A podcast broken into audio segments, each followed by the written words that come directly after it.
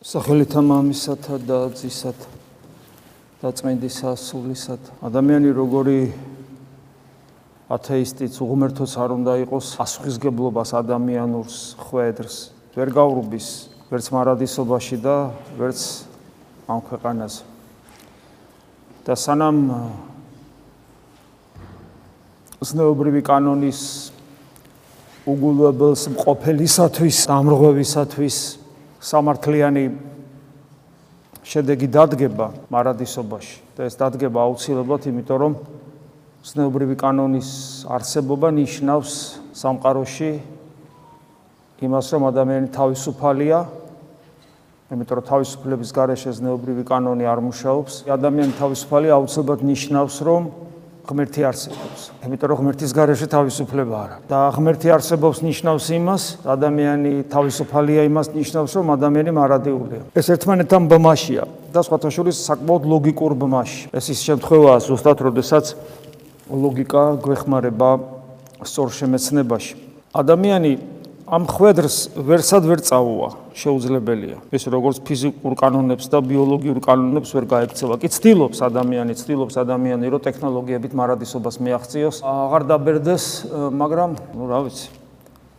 ყოველ შემთხვევაში ამ ეტაპზე ეს პრაქტიკულად შეუძლებელია. ასევე შეუძლებელია ზნეობრივ კანონს გაექცეს ადამიანი და აქედან გამომდინარე, ეს არის ხვედრი ადამიანის. ადამიანი ვერც იმას ვერ გაექცევა, რომ დროის შეგზნება აქვს.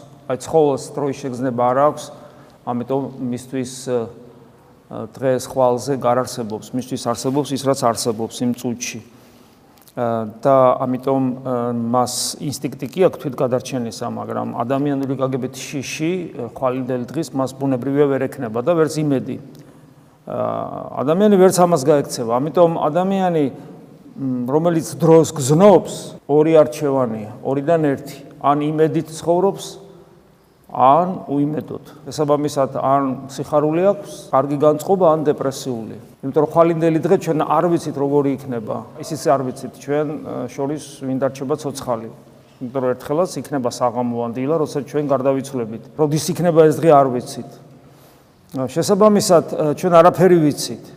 და ერთადერთი რაც ჩვენ გვამოძრავებს და გეგმებს სახავთ, ეს არის იმედი.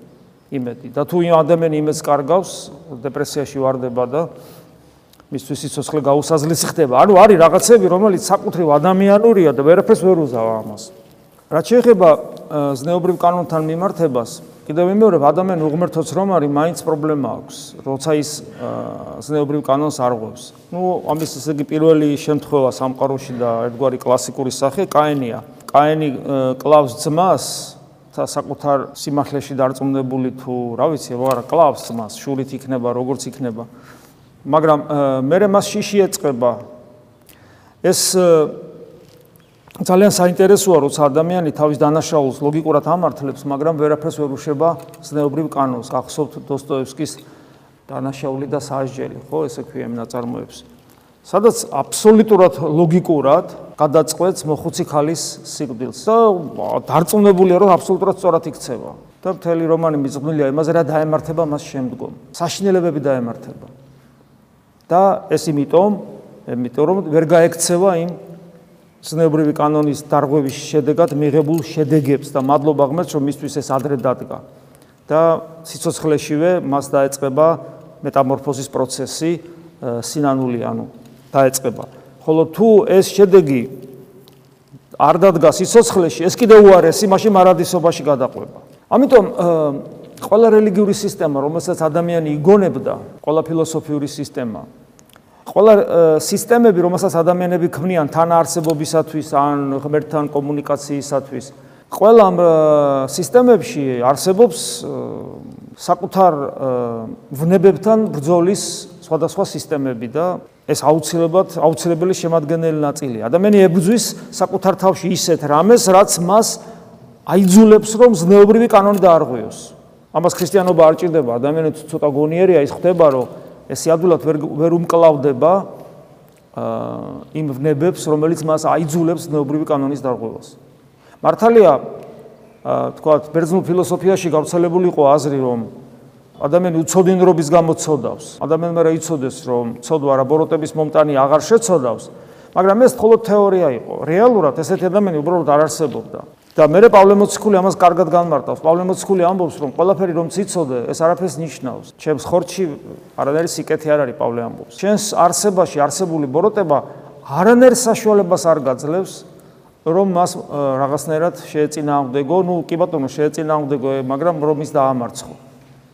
ამიტომ საჭირო იყო მთელი რიგი სისტემების შექმნა, მედიტაციების, რა ვიცი, ფილოსოფიური დოქტრინების, სადაც ადამიანის რესურსი მაქსიმალურად იქნებოდა გამოყენებული, მისი ნებელობა, მისი გონიერება, მისი ღვთის ხატობა, რომელსაც არიცნობდნენ, მაგრამ არც ეძახდნენ ესე, მაგრამ ნუ ადამიანში არის ხო კეთილშობილებაც. მაქსიმალურად იყო გამოყენებული, რომ დისციპლინა, თვითდისციპლინა, თვითაღზრდელობის უნარები და შემდეგ, რომ და სოციალური სისტემა შექმნილი, რომ სირცხვილია ცუდის გაკეთება, ტყუილი სირცხვილია, მოპარვა სირცხვილია, თქვა და ასე შემდეგ, გარყვნილება, მეტაკლება სხვადასხვა საზოგადოებაში, სხვადასხვანაირი სხვადასხვანაირი ხედვა ქონათ გარყვნილების მიმართ. და რომ რაღაცნაირად შემაკავებელი ფაქტორები ყოფილიყო. მაგრამ ეს მაინც არ შველოდა ამას. თუმცა, თუმცა უნდა ითქვას, რომ აი სტოიკოსები იყვნენ გვახსოვს. სტოიკოსები, რომლებიც, რა ვიცი, ძალიან მაღალ დონეზე ქონდათ ვნებებთან ბრძოლის სკოლა და სისტემა. სწორე რა არის? სწორე არის, როდესაც ადამიანი დასაწყისშივე აი რო შემოვიდა ეკლესიაში, აი არაფერი არის ეს ადამიანმა. აზე არ არის საერთოდ, უბრალოდ ქრისტე შეეხო მის გულს და ადამიანს დაუდასტურდა, რომ ქრისტე ღმერთია. ხო, ეს ეს მნიშვნელობა. ქრისტე რო ღმერთი არის ეს თუ არის ის შენ მაგულმა საერთოდ არაფერს აზრი არ აქვს. პირველი ყველაფერი აქედან იწყება. ამიტომ ახალმოსულებს ამას ვეკითხებით, გწამს თუ არა, რომ 2000 წლის წინ დაბადებული იეშუა არის galaktikების შემოქმედი. და სულ ეუბნებით ხოლმე, რომ თავს სწრაფად ნუ დაიქნევ და თავაზობთ ერთგვარ ესეთი მოდელს, თქვათ, ქცევისა თუ სიტუაციისა, აი წარმოიდგინეთ, უცებ აღმოჩნდით ყველანი აღმოჩნდით ჩვენ ის მაძიებელი ადამიანები ნაზარეთში 2000 წლის წინ. დავდივართ ნაზარეთში და უცებ ერთ-ერთი სახლიდან გამოვიდა ქალბატონი და ხმამაღლა უძახის ბავშვს, იეშუა. მოდი საჭმელი ჭამე. იეშუა არის ესო, შუარა აქვს ებრაელებს. და ჩვენ დავინახეთ, რომ პატარა 2 წლის ბავშვი მორჩილად წავიდა დედისკენ სახლში, შევიდა უფრო ძმებთან იყო თამაშობდა თუ რაღაც ესეთი, წავიდა სახლში შევიდა, რომ საჭმელი ჭამოს. ამას მოგვადგა ვიღაც ადამიანი და გვეუბნება. საღამო ხანია თვარე ამოსულია უკვე ვარსკვლავები ჩანს და გვეუბნება აი აი ხედეთ საში ხედავთ აი ამ ლამას სამყაროს. კი. იცით ვინ შექმნა? ნუ ხო ჩვენ რიტორიკულ კითხვად მოგოჩვენა და შევხედეთ ეს გასაგებია ხო ღმერთ იცით ვინ შექმნა? შევხედეთ. და გაიშვირა ხელი პატარა იეშუასკენ და გთხრა აი იმან შექმნა ეს ყველაფერი. რას ვიფიქრებთ ჩვენ ამ ადამიანზე რომ ის დაგცინის რომ ის სულელია გესმით? სულელია განუვითარებელია ან დაგცინის ორიდან ერთი. მესამე ვარიანტი თუ იქნებოდა მითხარი. ვიღაცა იტყვის კაი მე ხო გაიზარდა? კი ბატონო გაიზარდა. გაიზარდა იესო საუბრობს ადამიანებთან და ვიღაცა იგივეს მეუნება და დგას ჩვეულებრივი ადამიანი ლაპარაკობს ჩვეულებრივი მეთევზეებთან მეთევზეებთან საუბრობს ჩვეულებრივი ადამიანი და უცებ ვიღაცა მეუბნება რომ მან შექმნა ეს ყველაფერი. და ამიტომ ამბობს პავლე მოციქული რომ ის რაც ჩვენ გვწამს რელიგიური ადამიანისათვის სისულელია. გესმით აი რას რას რას მივადექით ჩვენ? რას? ამიტომ პირველი რასაც ადამიანი კითხვას უნდა უსვამდეს საკუთარ თავს და თუ ეს კითხვა არ დაუსვია, დაუსვას ეს კითხვა. რომ მე მინახავს არა მარტო ახალმოსულები, მე მინახავს ეკლესიაში დაღვინებული ჭყალებში, იმიტომ რა დაღვინება ამას ქვია? დაბერებული, ეს უკვე ჭყალების გარეშე. ადამიანები, რომლებსაც ეს კითხვა არასოდეს საკუთარი თავისათვის არ დაუსვავ და მეცას გეტყვით, მე მინახავს ადამიანები, რომლებსაც რომლებსაც ეგონათ, რომ იესო ქრისტეს არ შეუქმნია სამყარო. და ისე იყვნენ ქრისტიანები, ნუ ისე როგორ უნდა იყოს ქრისტიანი. ეგრე ეგრე არიოზიც ქრისტიანია და რა ვიცი, ნესტორის და ყველა მწვალებელი და ყველა ვინც კი დამაგრებელი ყოფილა ეკლესიისა, ეგრე იოღოვას მოწმეც ქრისტიანია მაშინ და ასე შემდეგ. და მუსულმანებიც ქრისტიანები არიან, ქრისტიანები არიან მაშინ.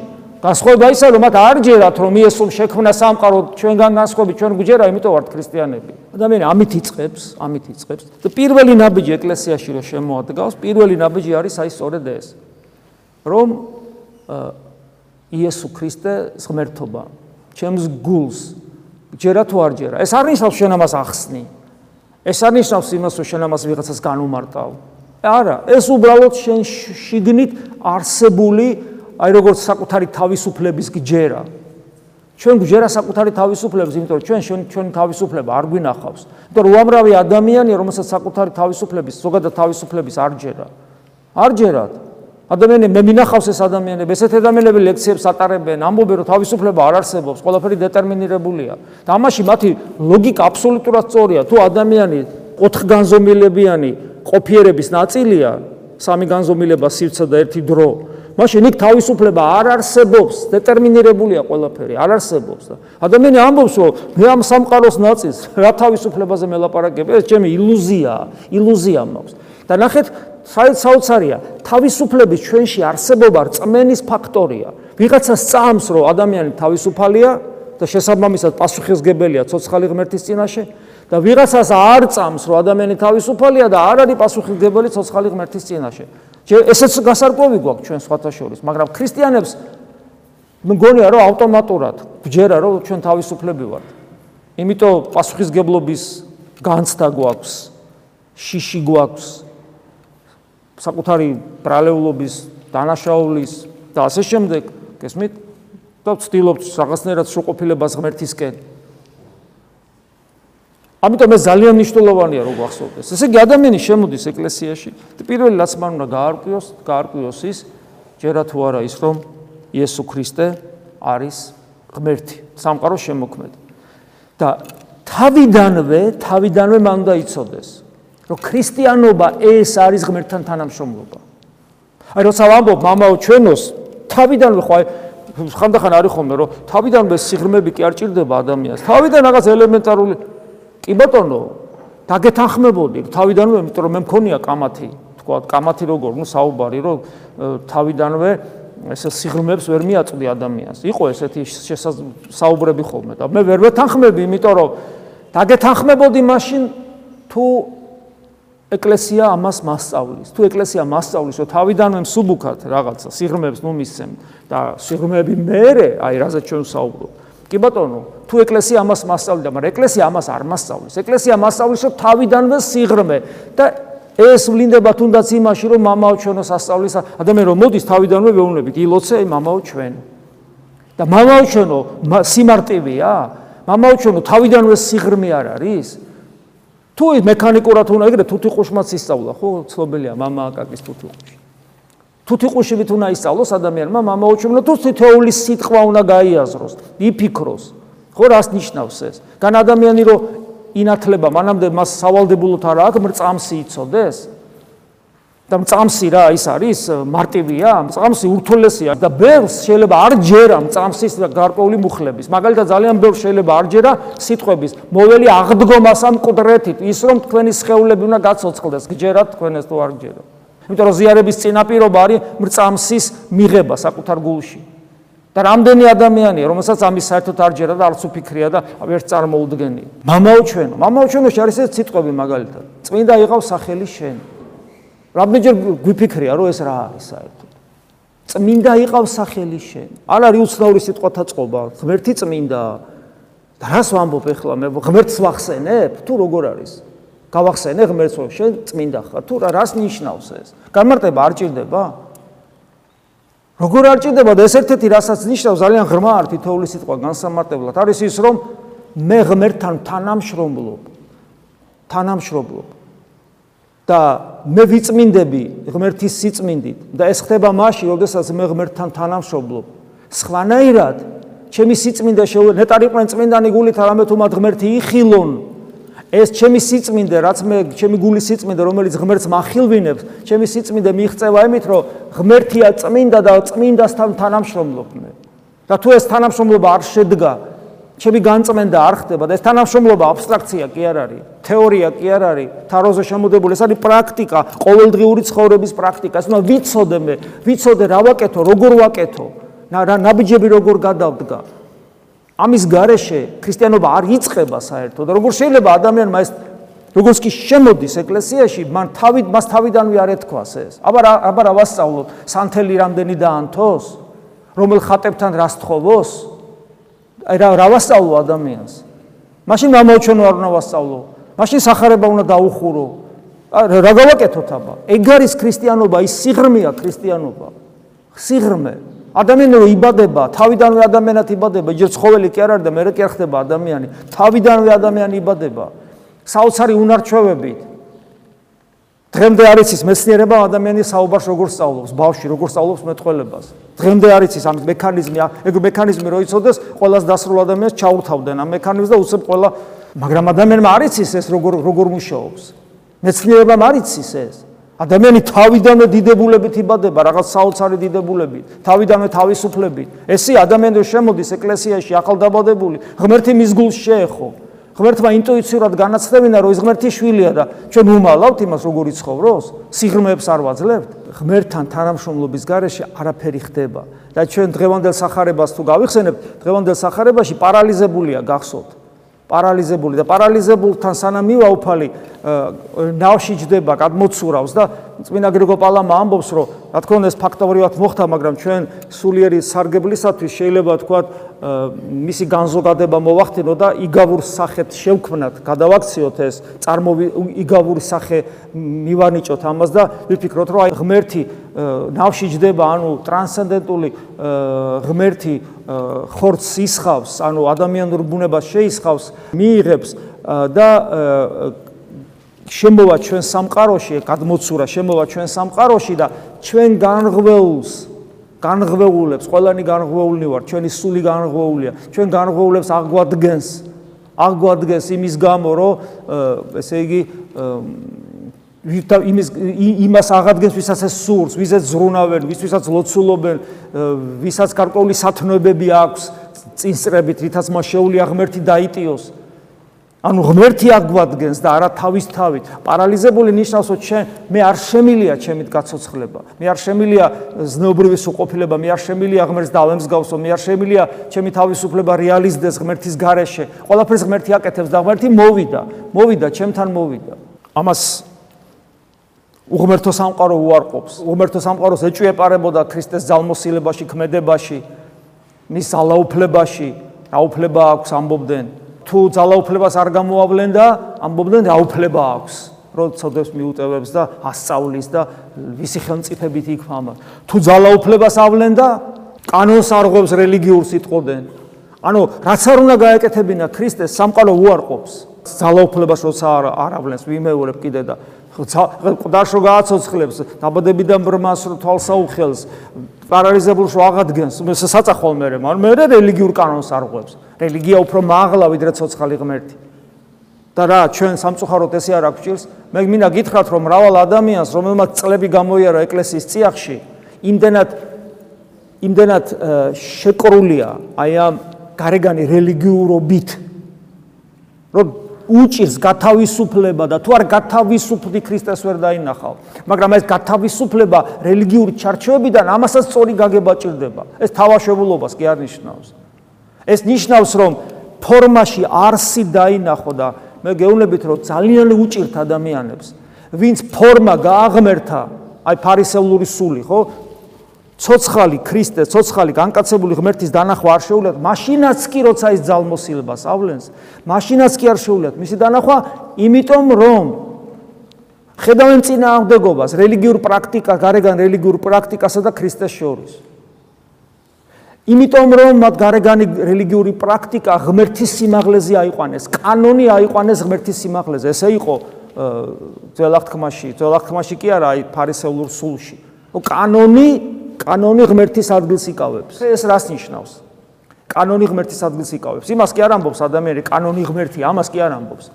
ამბობს იმას, რომ თუ კანონს ყველაფერს სწორად აკეთებ, როგორც შენ გონია, რომ ასე უნდა იყოს ეკლესია გეუბნება, რომ ეს ეს ეს ეს ეს თუ ყველაფერს ზუსტად ისე აკეთებ, როგორც კანონი გეუბნება, შენ გაკ ილუზია, რომ ქრისტიანი ხარ და ღმერთთან ახარ და თითქმის ხონებული ხარ. აი ეს არის კანონი ღმერთის ადგილს იკავებს. და ეს ესე არ არის ღმერთი ღმერთია და კანონი კანონია. და კანონი იმდენად არის ნიშნულოვანი, რამდენადაც მასში შენ ცოცხალი ღმერთი დაინახო და დაიხმარო კანონი ღმერთთან მისასვლელად. ჩვენი მიზანი კანონის აღსრულება კი არ არის, ჩვენი მიზანი ღმერთია. შეიძლება თუ არა კანონის გვერდის ავლით ღმერთის პოვნა, როგორ არ შეიძლება? როგორ არ შეიძლება ჯვარცმული ავაზაკი? წარმოიდგინეთ. კაცი ყველაზე ცუდი ადამიანი იყო, რომელ კანონი, რელიგიური კანონი კი არა.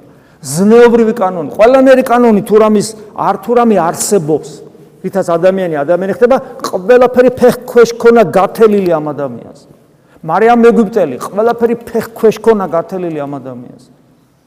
ერთმაც შეიცნო ქრისტე და მეორემაც. ერთმა დიდხანს იცოცხლა მერე, მაგრამ მეორე მალე მოკვდა, მაგრამ ამას პრინციპული მნიშვნელობა აღარ აქვს.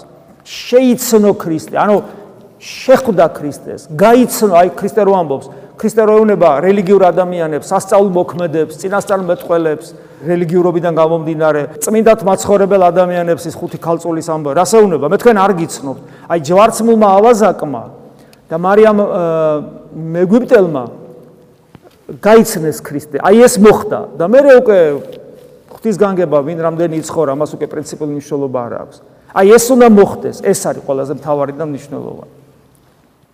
ასე რომ კიდევ ერთხელ შევეცადოთ რომ ჩვენ სულიერ ცხოვრებაში ჩამოვყალიბდეთ თუ სად ვართ, თუ ვინ ვართ, რა პასუხისგებლობა გვაქვს და ვალდებულება როგორც ქრისტიანებს გავიაზროთ, გავითავისოთ და თელი ჩვენი არსება უნდა აღივსოს, აღივსოს აი თავარის კეთების სურვილით, ანუ ღმერთის ძიებით.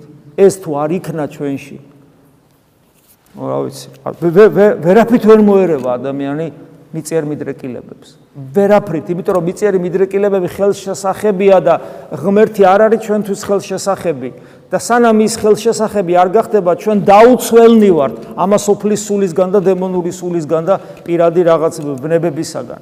ამიტომ თავიდანვე სწორი ნაბიჯები უნდა გადაიდგას, რომ სანამ გარდავიცვლებით, მიცეთ ღმერთს საშუალება ჩვენში იმოქმედოს. არ გავხდეთ ფარისებლური სულის, როდესაც ჩვენი გარეგნული ქმედებებით თვითკმაყოფილნი უნარონი ხდებით ქრისტეს დანახვის.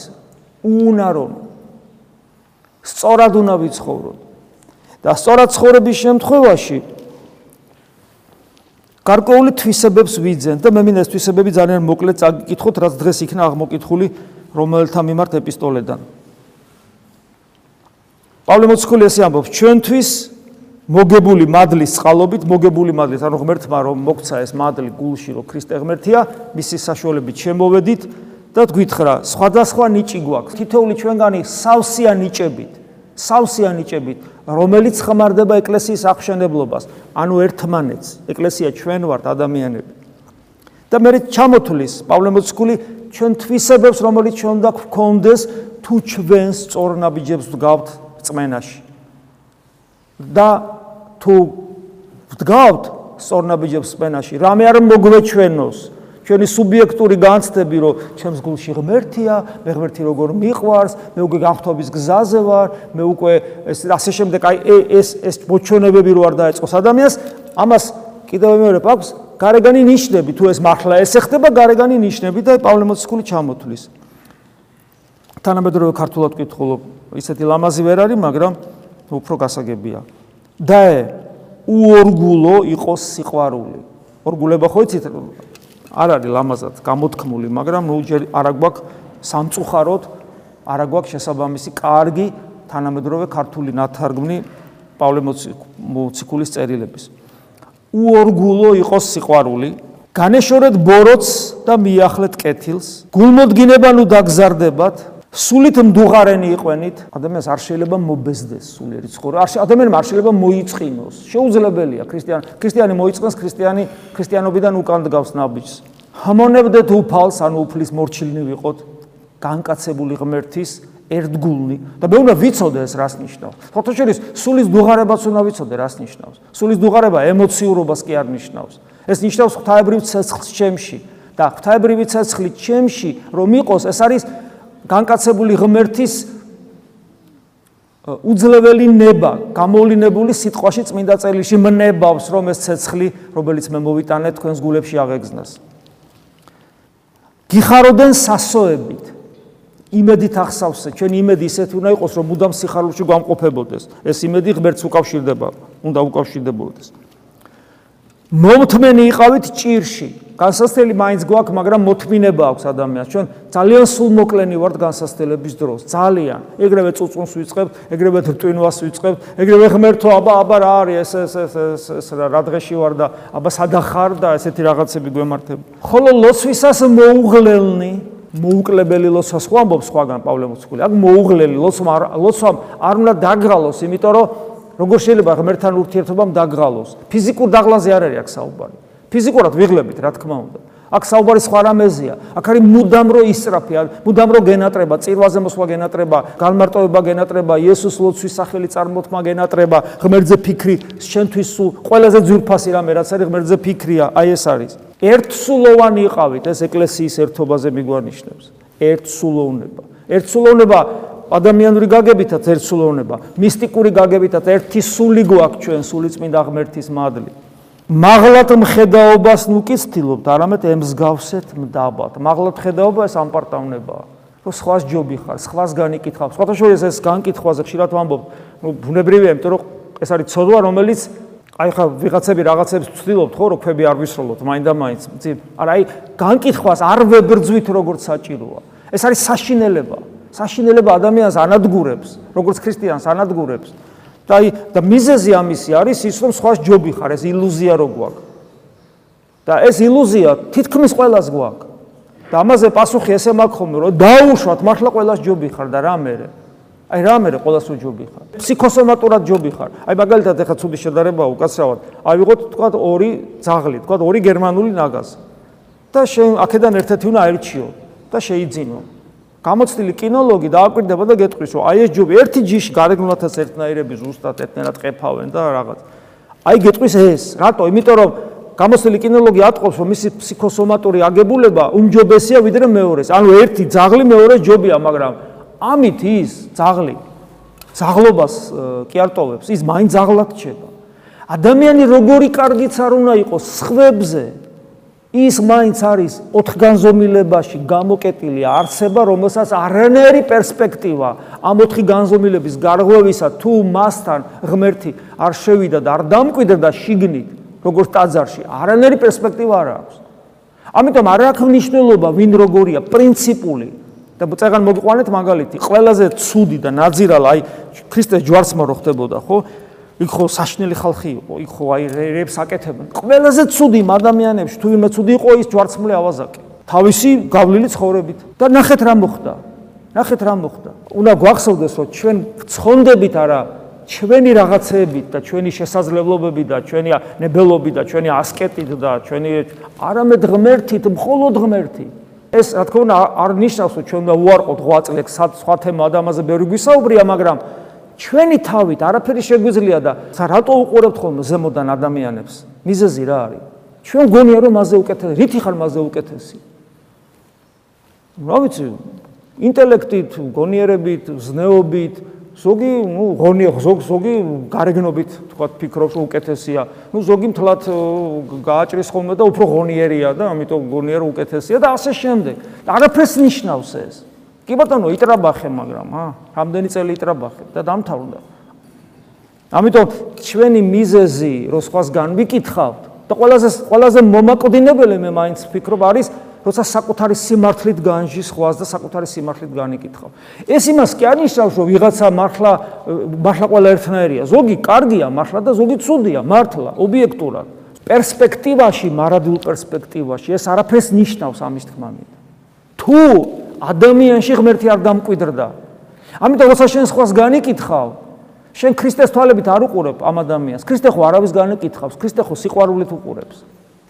და შენ ჩვენში თუ ქრისტესულია, ჩვენ ქრისტე ქრისტეს თვალებით უნდა უყურო, არა საკუთარი სიმართლით, სიმართლის სიმაღლიდან, არამედ არამედ ქრისტეს თვალებით არა, სანამ ჩვენ განვიკითხავთ, ეს არის ნიშანი იმისა, რომ ჩვენში ქრისტესულია, არ არის ჩვენ საკუთარ დაღუპულობას ღმერთის გარეშე რო ვერ გადავრჩებით, ამას ვერ ვხედავთ და მოვიცალეთ ხვებისათვის. ამიტომ განკითხვა არის განკითხვა ახდენს ჩვენი შინაგანი სამყაროს ლუსტრაციას. ჩვენი შინაგანი ჯოჯოხეთის ლუსტრაციას ახდენს განკითხვა. ამიტომ ველმათ ამ საშინელ ნებას. ბრძენკაცებად ნუ მოგაქვთ თავი. ჩვენ გვეუბნება პავლე ამას. ბოროტის წილ ნურავის მიაგებთ ბოროტს. ეს შურიზიების წყურული როგვა. გამაბიჯაფეხი დავაბი შემომიბღვირა, შემოუბღვირე. ეცადეთ კეთილი უყოთ ყველას, უპირობოდ. ზოგს უყავით კეთილი, ზოგს არა, ყველას კეთილი.